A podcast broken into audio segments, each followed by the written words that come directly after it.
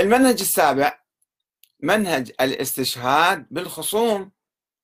وأخيرا يتبع الكاتب السيستاني منهج الاستدلال بأقوال الخصوم واعترافاتهم. فيقول هناك اعترافات ضافية سجلها الكثير من أهل السنة بأقلامهم بولادة الإمام المهدي عليه السلام.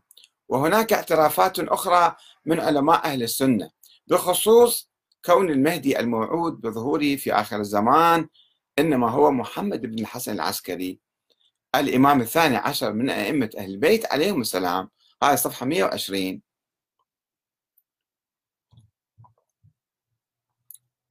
فعلا هذا كلام شوي ينشف الريق يعني كما يقولون لأنه كلام عجيب غريب. يسوون بعقيدة ودين وطائفة وسفراء ونواب عامون وحكام شرعيون ومرجعية دينية الآن. قائمة وتقبض أموال وتفرض سيطرتها على البلد وولاية الفقيه وكذا بهالروايات وبهالأحاديث وبهالأدلة هذه. أقول أجل هناك كثير من الروايات التي ذكرها الأولون والمتأخرون ولكن ما هي قيمة تلك الروايات العلمية؟ وهل علينا تقبلها بعد أن اعتقدنا بوجوده أول شيء نعتقد بوجوده بعدين نجيب الروايات كأدلة دائمة. أم علينا أن نحقق فيها وندرسها بدقة لنتأكد فيما إذا كانت هذه الروايات حقيقية أم أسطورية ومختلقة. مختلقة بعد عشرات السنين. إن من المفروض برجال الدين الحقيقيين الربانيين أن يبادروا للكشف عن الحقائق وتقديمها إلى الناس. وليس من مهمتهم تسويق الخرافات والأساطير باسم الدين والمذهب خاصة الأساطير الدخيلة بالمذهب. يقول الكاتب السيستاني أن ولادة أي إنسان في هذا الوجود تثبت بإقرار أبيه وشهادة القابلة وإن لم يره أحد قط غيرهما فكيف لو شهدت المئات برؤيته واعترف المؤرخون بولادته وصرح علماء الأنساب بنسبه وظهر على يديه ما عرفه المقربون إليه وصدرت منه وصايا وتعليمات ونصائح وإرشادات ورسائل وتوجيهات وأدعية وصلوات خبصة بالمرة يعني وأقوال مشهورة وكلمات مأثورة وكان وكلاؤه معروفين وسفراؤه معلومين وأنصاره في كل عصر وجيل بالملايين. هذا 107 ونقول له أحسنت. وبارك الله فيك. ولكن ماذا نفعل إذا كان والده ينفي وجود ولد له في الظاهر. باعتراف كل علماء الشيعة أنه الإمام العسكري قال أنا ما عندي ولد وبالوصية مالته كتب كل أمواله تروح إلى أمه وجاء أخوه تنازع وياه وأخذ قسم من عنده. فشلون تقول الإمام العسكري كان يدعي عنده وجود ولد؟ ولم نعرف قابلة تدعي الإشراف على ولادته. رواية أسطورية بها خمسين أسطورة. هذه رواية حكيمة. خمسين أسطورة وقد بحثتها في محاضرة مفصلة وأي واحد يمكن يراجع هذه المحاضرة. موجودة على اليوتيوب. خمسين أسطورة وكذبة في هذه الرواية. أصلا هاي الشخصية ما موجودة. شخصية حكيمة. وراء مئة سنة اختلقوها وسووها أن هي شافت بالمنام كأنها كانت نايمة بالحلم. شافت الولادة. ولم ترى لم تروا بعد ذلك. ولماذا أساسا شككنا بوجود ابن الحسن؟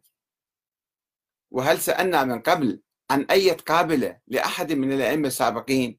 هل سألنا الإمام العسكري مثلا منو كان قابلته؟ أو منو المرأة اللي ولدته ما حد بيسأل الأسئلة هذه. أو لأي إنسان معروف أو غير معروف في التاريخ أنه هذا منو شهد ولادته؟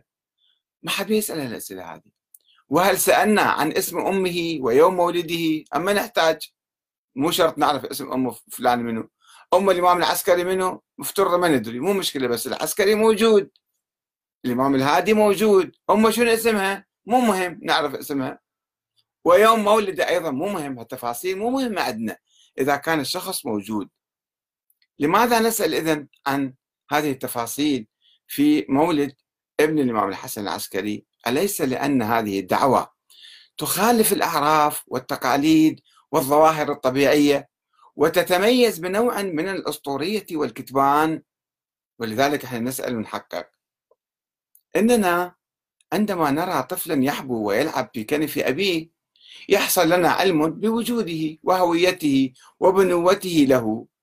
ولا نشغل أنفسنا بالسؤال عن تفاصيل هويته إلا من باب الاستحباب. ولكن لماذا توقفنا في أمر ابن الحسن العسكري؟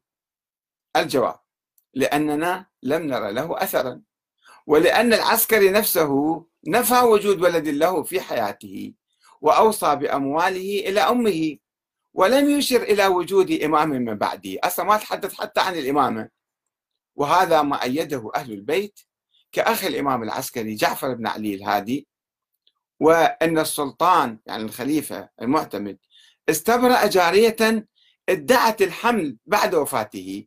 قالت أنا أنا حامل من عنده. استبرأها يعني خلاها في بيته كم شهر حتى يشوف هذه تجيها العادة الشهرية ولا لا. فلم يظهر عليها شيء.